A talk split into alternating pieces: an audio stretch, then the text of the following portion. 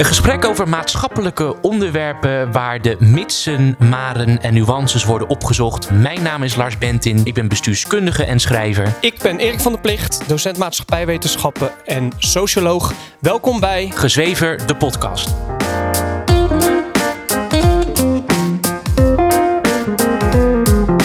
Ik durf zelfs te zeggen dat de witte hetero, de witte hetero man meer normatief zou zijn voor onze samenleving dan de minderheden.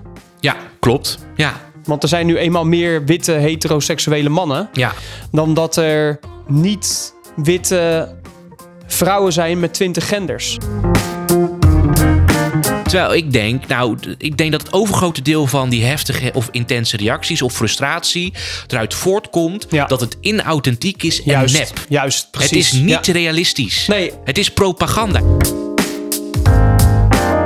En dat is, het is dat, dat denken, dat Ja. omdenken. Ja. Niet reflectief zijn tegenover jezelf. Wat, je, wat je beter kan doen. Maar wijzen naar de maatschappij.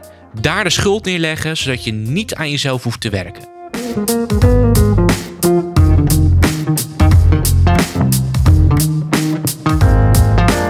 Goedemiddag Erik. Hallo Lars, Hallo. ik heb er weer zin in. Ik ook. Oké, mooi. Eh, sterker nog, eh, ik heb er zoveel zin in eh, dat ik gelijk met mijn ergernis kom.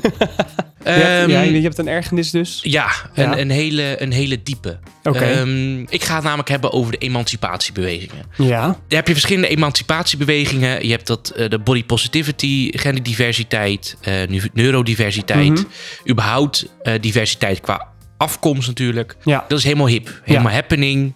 Eh, Pride Month, Black History Month. eh, al die bedrijven die bijvoorbeeld in juni een, eh, een logo veranderen voor één maand. Ja, Minderheidsgroepen zijn helemaal hip. ja, En eigenlijk wil ik de negatieve kant daarvan benadrukken. ja. Mijn ergernis is namelijk dat er eenzijdig alleen maar positief over gepraat wordt en gedaan wordt, terwijl er ook negatieve of mogelijke negatieve gevolgen aan vastzitten, of misschien zelfs schadelijk. Heel kort, body positivity gaat over eh, acceptatie van verschillende lichaamsvormen. Dus niet alleen slank, maar ook wat dikker en obesitas zelfs. Eh, dus iedereen, dat is allemaal geaccepteerd en Alles genormaliseerd worden. Ja. Eh genderdiversiteit, nou, dat kennen we natuurlijk. Niet alleen man en vrouw, maar alles ertussendoor. Eh zelfs dat je de ene dag een man kan voelen en de andere dag een vrouw. Ja, niet alleen voelen, maar ook daadwerkelijk kan zijn. Ja, en dat je ook zo zijn. behandeld moet worden. Ja. Ja, transgender bij kinderen bijvoorbeeld. Dat is ook helemaal, eh, nou niet hip wil ik niet zeggen, maar er wordt wel veel over gepraat.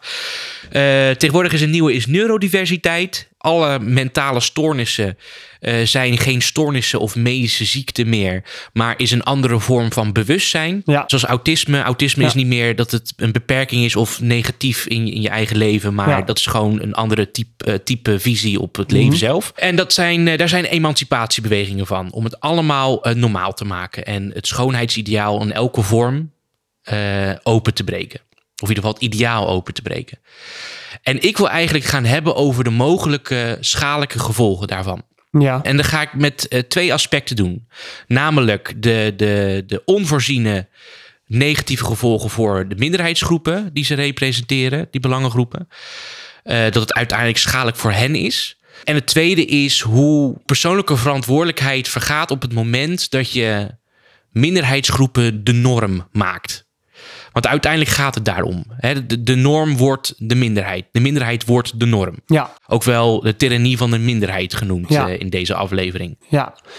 Dus enerzijds denk jij dat het normaliseren van de eigenschappen van minderheden, zoals bijvoorbeeld overgewicht of genderfluiditeit, fluiditeit, Ja. uiteindelijk schadelijk kan zijn juist voor die minderheden. ja, En ten tweede, denk je dat door dit soort kenmerken van minderheden te normaliseren en het eigenlijk het normaal te maken in de publieke ruimte, dat het mensen ontslaat van om een, beter, om, om een betere versie van zichzelf ja te worden. precies. Ja. Kun je mij vertellen hoe je dat dan, hoe je dat dan, hoe je eigenlijk op dit onderwerp bent gekomen en hoe je dat dan ziet? Hoe zie je die, die, die bewegingen terugkomen in, eh, in de publieke ruimte? Waarom ik bijvoorbeeld achterkwam is dat het humanistisch verbond Ja. eh, nou, de, de belangengroep voor het humanisme, Ja, is sinds kort heel erg bezig met het gendervraagstuk. Dus genderdiversiteit. ja. Dat soort onderwerpen waren ze eerst niet in geïnteresseerd. Afgelopen maanden zie ik ineens een fixatie met, met dat soort onderwerpen. Nou, je had, dit weekend had je de Pride in, eh, in Utrecht. Oké. Eh, een boottocht. Ehm, gisteren kwam een vriend eh, van mij met eh, het onderwerp body positivity. Dat hij dat om zich heen ziet als een probleem. Mhm. En dat steeds meer mensen dikker worden en onder de vlag van body positivity zichzelf niet willen Ja. veranderen. Of Ja. in ieder geval gezonder willen gaan leven. Ja, Ik heb de trouw en eh, abonnement op NRC. En is vrijwel elke dag dat er een onderwerp is met als focus een minderheidsgroep. ja. Dat, je, dat je eigenlijk het idee gaat krijgen dat er heel veel mensen geen, of bijvoorbeeld dat heel veel mensen omtrent gender geen man of vrouw, zijn, maar een ander gender hebben dan man of vrouw. Ja, Dat wa- waar ik het bijvoorbeeld ook zie is in reclames, dat in reclames dat je vrijwel altijd een interetnisch stel ziet of een interetnisch gezin, waar de man en de vrouw een andere cultuur, culturele achtergrond hebben. Terwijl, dat hebben wij net eventjes opgezocht, als je kijkt naar de feiten, dan is maar één op de zes re- relaties in Nederland is gemengd. ja, En dat de meest gemengde huwelijken zijn dan gemengde huwelijken tussen autochtone Nederlanders en Duitsers, Belgen en Indonesiërs. ja, Dat zijn precies die culturen die niet heel erg verschillen van de Nederlandse nee, cultuur. nee, precies. En juist de Marokkaanse en Turkse Nederlanders, die trouwen vrijwel niet met autochtone Nederlanders en dus ook andersom. Hè? Dus, maar als ik naar reclames kijk en naar posters en, en dergelijke in de publieke ruimte, krijg ik het idee alsof eh, vrijwel alle Nederlanders op dit moment in gemengde huwelijken zitten. Ja, klopt. Terwijl ja. dit feitelijk niet waar is. Nee, klopt. Dus je ziet een overrepresentatie van diversiteit in de Ja. publieke ruimte. Terwijl die diversiteit is, niet fei- is feitelijk niet waar. Kijk, daar, daar zit bij mij het pijnpunt. Kijk, als, als deze bewegingen of, of, of deze eh, maatschappelijke beweging van emancipatiebewegingen, als die als doel hadden om in de publieke ruimte een realistisch beeld te geven van de maatschappij. Eh, dus, eh dus aanhalingstekens eh, normale mannen en vrouwen, of normale mensen zouden die, eh, die emancipatiebewegingen dan, dan noemen. Dan is het allemaal prima. Ja, Alleen wat ik nu zie is dat de oude norm, hè, wat dan vaak wordt, wordt eh, geschetst als de, de, de witte heteroman, hè, dat is dan de oude norm waar die emancipatiebewegingen zich tegen verzetten, die wordt nu vervangen door een andere norm, Ja. wat ook niet representatief is voor de werkelijkheid of voor de maatschappij waar Ja. we in leven. ja, nou sterker nog, ik durf zelfs te zeggen dat de witte hetero, de witte hetero man meer normatief zou zijn voor onze samenleving dan de minderheden. Ja, klopt. Ja, Want er zijn nu eenmaal meer witte heteroseksuele mannen ja, dan dat er niet witte vrouwen zijn met twintig genders. ja, klopt. Ja, Of er zijn meer huwelijken tussen. Er zijn meer niet-inter-etnische huwelijken. Dus huwelijken met gewoon twee mensen met dezelfde cultuur. Ja. Dan dat er huwelijken zijn waarbij wel verschillende culturen in het huwelijk ja, zitten. Dus dat is, dat is een meer de norm. Dat is letterlijk meer de norm. ja. Dan wat die minderheids emancipatiebewegingen willen laten zien in de publieke ruimte. Precies. Eh, maar dan zie je dus dat de goede bedoelingen, namelijk het, het normaliseren van andere levensvormen, eh, levensvormen, levensstijlen, sorry, Ja, levensstijlen, eh, lichamen, et cetera, dat dat het vo- volledige doel is voorbijgeschoten. Namelijk een, Ja. een soort propagandamachine Ja. eh, voor minderheidsgroepen. Ja, en jij zei net dus dat dat dus uiteindelijk de, die emancipatiebeweging, de emancipatie van die groepen juist tegen gaat werken. Ja, en dat, dat komt denk ik door twee, door twee oorzaken. De eerste oorzaak is de irritatie die men gaat voelen door het feit dat het niet representatief is, de nieuwe norm voor hoe de samenleving eruit ziet. Eh, dus zoals je net al zei, je ziet dan in de reclames, eh, zie je dan allemaal stelletjes en zo die dan intercultureel zijn en dat je dan denk van, hè, maar... Ik zie bijna, hè, Ik zie- hè, nou? Ik zie kan- bijna nooit interculturele relaties om me heen, en de- weet je wel? volgens de cijfers klopt dat ook niet. Nee, of dat inderdaad, ja. eh, er elke keer dan eh, een, een, een, een, eh, een non-binair iemand erbij moet in een film Ja. of in een serie. Terwijl- of er moet benoemd worden Ja. dat iemand gehandicapt Ja. is. Of er moet, alles moet benoemd worden als terwijl je, terwijl, representatie. ja, precies. Terwijl je denkt van ja, maar ik zie, ik heb, volgens mij heb ik in mijn leven één keer te maken gehad met een, nee, niet eens non-binair, niet eens, maar één keer te maken gehad met, Ja. met een persoon die een geslachtsverandering wilde ondergaan. Eén keer. En ik heb echt veel mensen in mijn leven gezien. ja, Terwijl als je dus inderdaad naar films en dergelijke kijkt, dan krijg je het, krijg je het idee dat het, dat, het, dat het een dagelijkse normale gang van zaken, dat Ja. het de norm is. ja dus. klopt. Ja, Ja, precies. en, maar dat is dus ook het punt. Want er wordt vaak wordt er, eh, wordt er, wordt er gezegd dat het een taboe is hè, om dat soort representatie vorm te geven in de publieke ruimte. Omdat er heftig op gereageerd wordt. Terwijl ik denk, nou, ik denk dat het overgrote deel van die heftige of intense reacties of frustratie eruit voortkomt Ja. dat het inauthentiek is en juist, nep. juist, precies. Het is niet Ja. realistisch. Nee. Het is propaganda. Het is iets opdringen Ja, wat correct. Ja, ik, ik, denk, ik, ik vind, denk dat je daar een heel goed punt te pakken hebt. Het is niet... Tenminste, oké, dan kijk ik naar mezelf. En er zijn echt wel mensen in Nederland die echt een hekel hebben aan homoseksuelen en dergelijke. Maar Ja. dat, dat is bij mij en bij jou ook. En, en bij de mensen waarmee ik mee omring, is dat totaal niet het geval. Wat ik wel irritant vind, is dat er een dat ze een werkelijkheid proberen te representeren die wat geen werkelijkheid is. Dus Ja. ze proberen een beeld neer te zetten. Ja. En dat is zo ontzettend nep. Ja. Daar erger ik me Ja, aan. Want ik denk van ja. ja hoor, daar ga je weer. Dan, bedoel, we hebben ehm, hoeveel procent van de Nederlanders is homoseksueel? 10 procent. Zullen we het even opzoeken? We hebben het even opgezocht. Ongeveer 1 op de 20 personen is LHB, dus lesbisch, homoseksueel, biseksueel. En 1 op de 15 mensen is LHBT.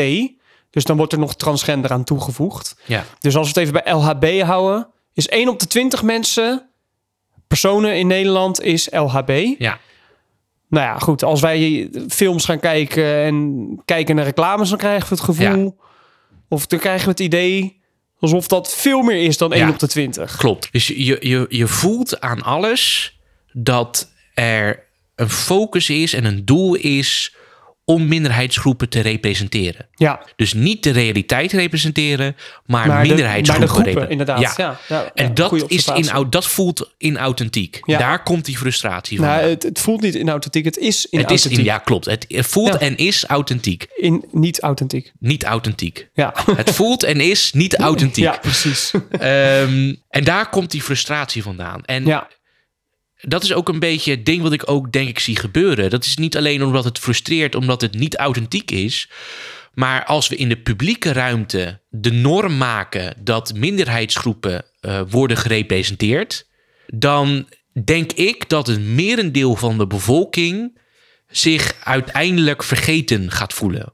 Als normale, eh, tussen aanhalingstekens, mensen niet meer in die norm meegenomen worden, dan ontstaat er frustratie en dus conflict.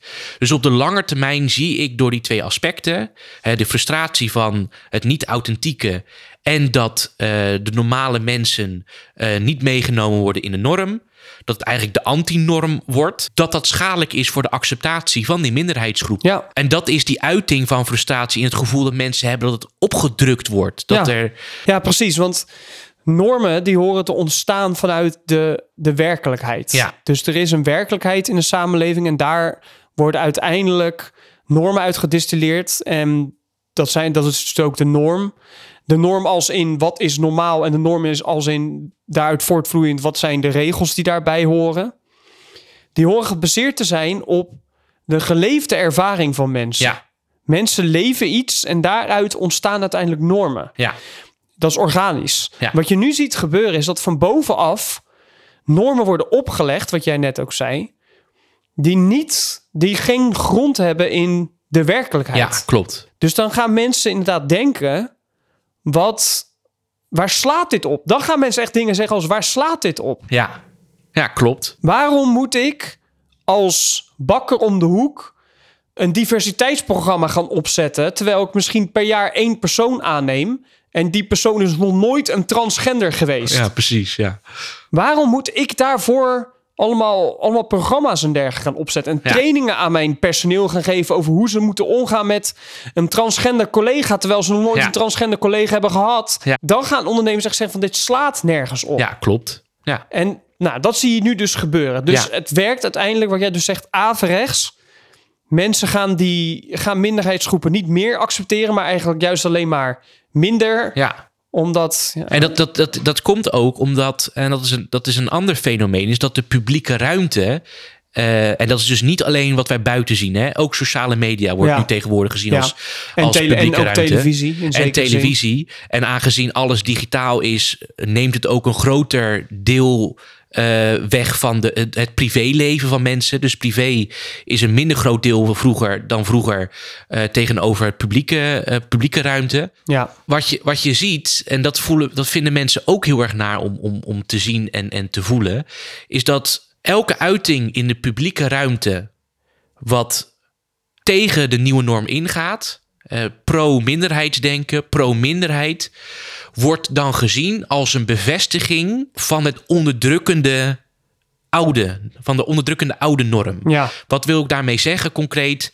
Een, een, een vrouw die in een reclame de afwas doet of het huishouden Ja. doet, wordt dan gezien als stereotype bevestigend. ja.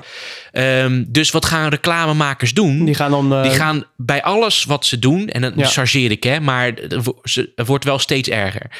Die gaan bij elke uiting die ze in de reclame doen, gaan ze het tegenovergestelde doen. Ja, In plaats van dat ze een vrouw het huishouden laten doen, gaan ze nu als norm elke keer een man huishouden, het huishouden laten ja. doen.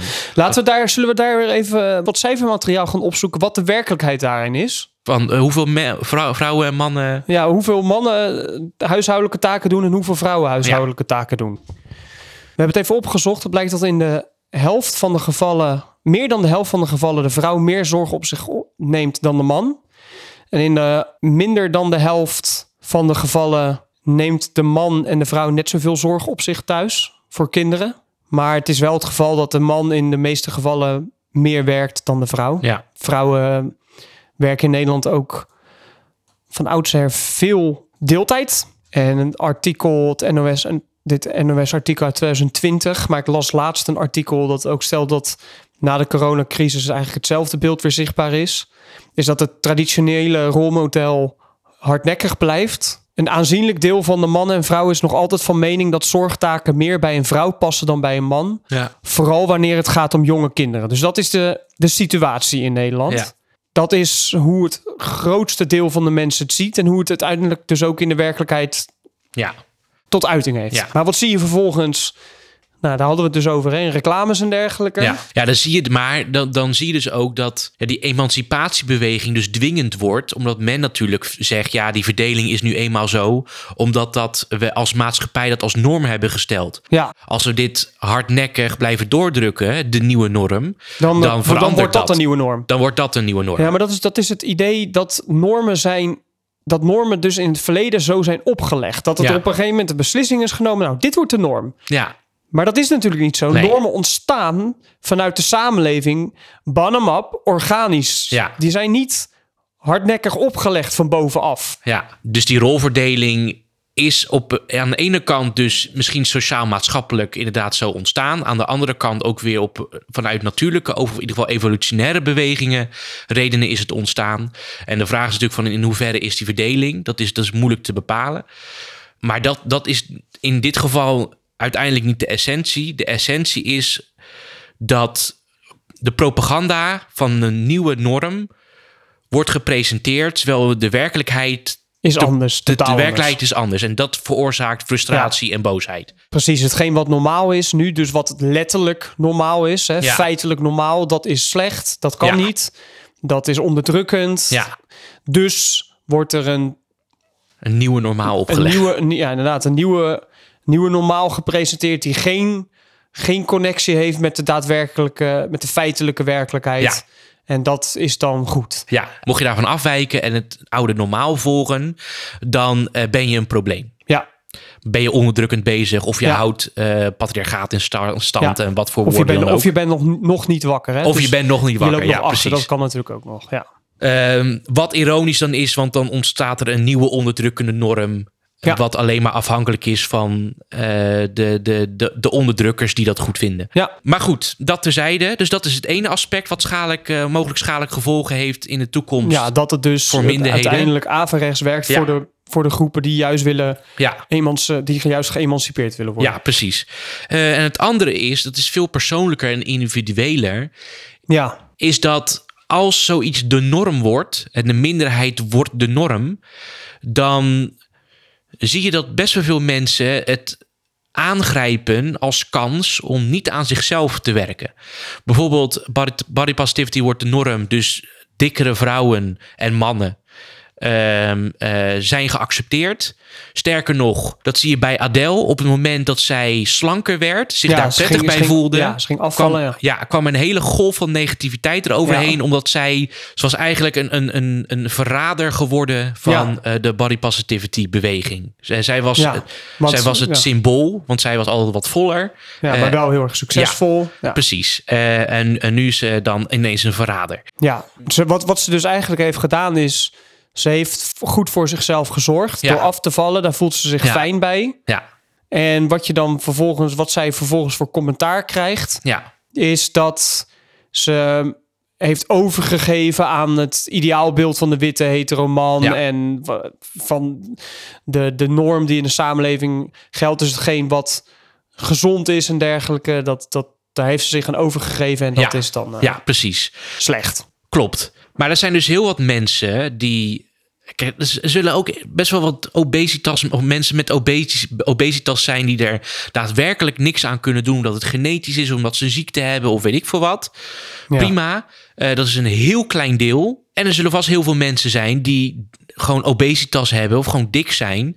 En die het moeilijk vinden om gezond te leven. Ja, En die dan de body positivity beweging aangrijpen als kans ja, om niets aan zichzelf te doen. ja, Om te zeggen, ik ben niet verkeerd bezig. ja. Jullie zijn allemaal Jullie verkeerd zijn bezig. allemaal ja. verkeerd bezig. Ja. En dat is, het is dat, dat denken, dat Ja. omdenken. Ja. Niet reflectief zijn tegenover jezelf, wat, je, wat je beter kan doen. Maar wijzen naar de maatschappij, daar de schuld neerleggen, zodat je niet aan jezelf hoeft te werken. Ja. En het doet niets af aan, aan de, de, de, de emancipatiebeweging en het doel daarvan. eh, dat je niet kapot hoeft te schamen als je Nee. drie kilo te, te veel weegt of Nee. weet ik veel wat. Zeker. Echt niet. Maar we moeten ook eerlijk erover zijn dat dit soort dingen ook gaan gebeuren. En als het de norm wordt, gaat dit op grote schaal Nou ja, dit zie je natuurlijk ook gebeuren omtrent de emancipatie van mensen die een geslachtsverandering willen ondergaan. Ja, Natuurlijk zijn er mensen die dat daadwerkelijk hebben, die echt al van jongs af aan het gevoel hebben dat ze in een verkeerd lichaam zijn geboren. En ik vind ook echt, dat moet je echt helemaal zelf weten. Dat- Veel succes met, met, met de transitie en dergelijke. Ja. Maar wat je ziet gebeuren, is dat die beweging zoveel aandacht krijgt, dat er ook mensen zijn die psychische problemen hebben of psychosociale problemen hebben. ja, ja, En dat gaan aangrijpen als reden voor hun problemen. ja, En dat heb ik dus wel letterlijk ook meegemaakt met een persoon in mijn directe omgeving wat jaren geleden. Die dat ging aangrijpen als ik ben geboren in het verkeerde lichaam, dus ik ga nu die transitie in. Dat zou, Ja. dan, dat zou dan ook al haar problemen oplossen met zichzelf. ja, En als je dan vervolgens door ging vragen van oké, maar hoe lang ben je daar dan al mee bezig? En sinds wanneer heb je al dat idee? Dan kwam daar eigenlijk helemaal geen duidelijk antwoord op, omdat dat namelijk niet de oorzaak van haar problemen was. ja, Later is ze gelukkig ook weer, heeft ze dat ook een pauze, een halt toegeroepen en is ze gaan nadenken van is dit ook wel daadwerkelijk hetgeen wat ik wil? En wat er daarna is gebeurd, weet ik niet, want sinds ik heb geen contact meer met die persoon. Maar je ziet wel dat dit heel erg slecht kan, verkeerd kan uitpakken voor mensen die zoekende zijn naar zichzelf. ja, En dan dus inderdaad zoiets aanpakken om hun problemen op te lossen. Om, om hun, omdat ze, dat ze denken dat dat hun problemen gaat Ja. oplossen. Idem trouwens ook voor de body positivity movement. Als je een persoon hebt, een jongere of ook een volwassene... die zijn hele leven al moeite heeft met gezond eten... en daardoor overgewicht heeft... Die gaat dat dan dus aangrijpen door te denken van oké, ja, maar het gezond zijn, een gezond lichaam hebben is alleen maar iets wat door de witte heteroseksuele man ja, eh, is bepaald. Uh, maar die norm uh, die slaat eigenlijk helemaal nergens op. Dus uh, dit, dit is de norm. Dit, ja. is, dit is hoe het moet zijn. Ja. Ongezond zijn, ongezond ja. leven. Ja. Ja. Ik snap je punt. Dus enerzijds, het gaat averechts werken. Anderzijds zorgt het ervoor dat mensen eigenlijk zichzelf niet meer tot verantwoording kunnen roepen. Omdat ze zich altijd wel kunnen beroepen op een emancipatiebeweging of een, een, een, idee wat um, aansluit bij hun pathologisch gedrag. Ja, klopt. Ja. Dus uh, ja, dat, dat is mijn, dat, mijn diepe, diepe ergernis. Waar ook een soort, kan ik ook wel eerlijk over zijn, een soort ja, verdriet bij voel. Omdat die emancipatiebewegingen echt wel hun, hun doel hebben. Ja, natuurlijk. In binnen de maatschappij. Ja. Uh, en uiteindelijk zijn de mensen die het meest bij gebaat zijn, die, die, die beperkende normen en waarden, of dat voor hen echt beperkend is in hun leven, ja, dat zij er niet mee geholpen worden. Nee. Um, dus ja, dus dat is het. Dus dat, dat is de frustratie en uh, aan de ene kant en aan de andere kant het verdriet. En ik hoop dat we eruit komen als we er gewoon uh, open over, over, uh, over kunnen, kunnen, kunnen praten. Um, want als je bijvoorbeeld kijkt naar Amber Heard en Johnny Depp proces, dat is precies hetzelfde. De MeToo-beweging heeft, heeft, heeft haar waarde binnen de maatschappij een correctie die broodnodig was.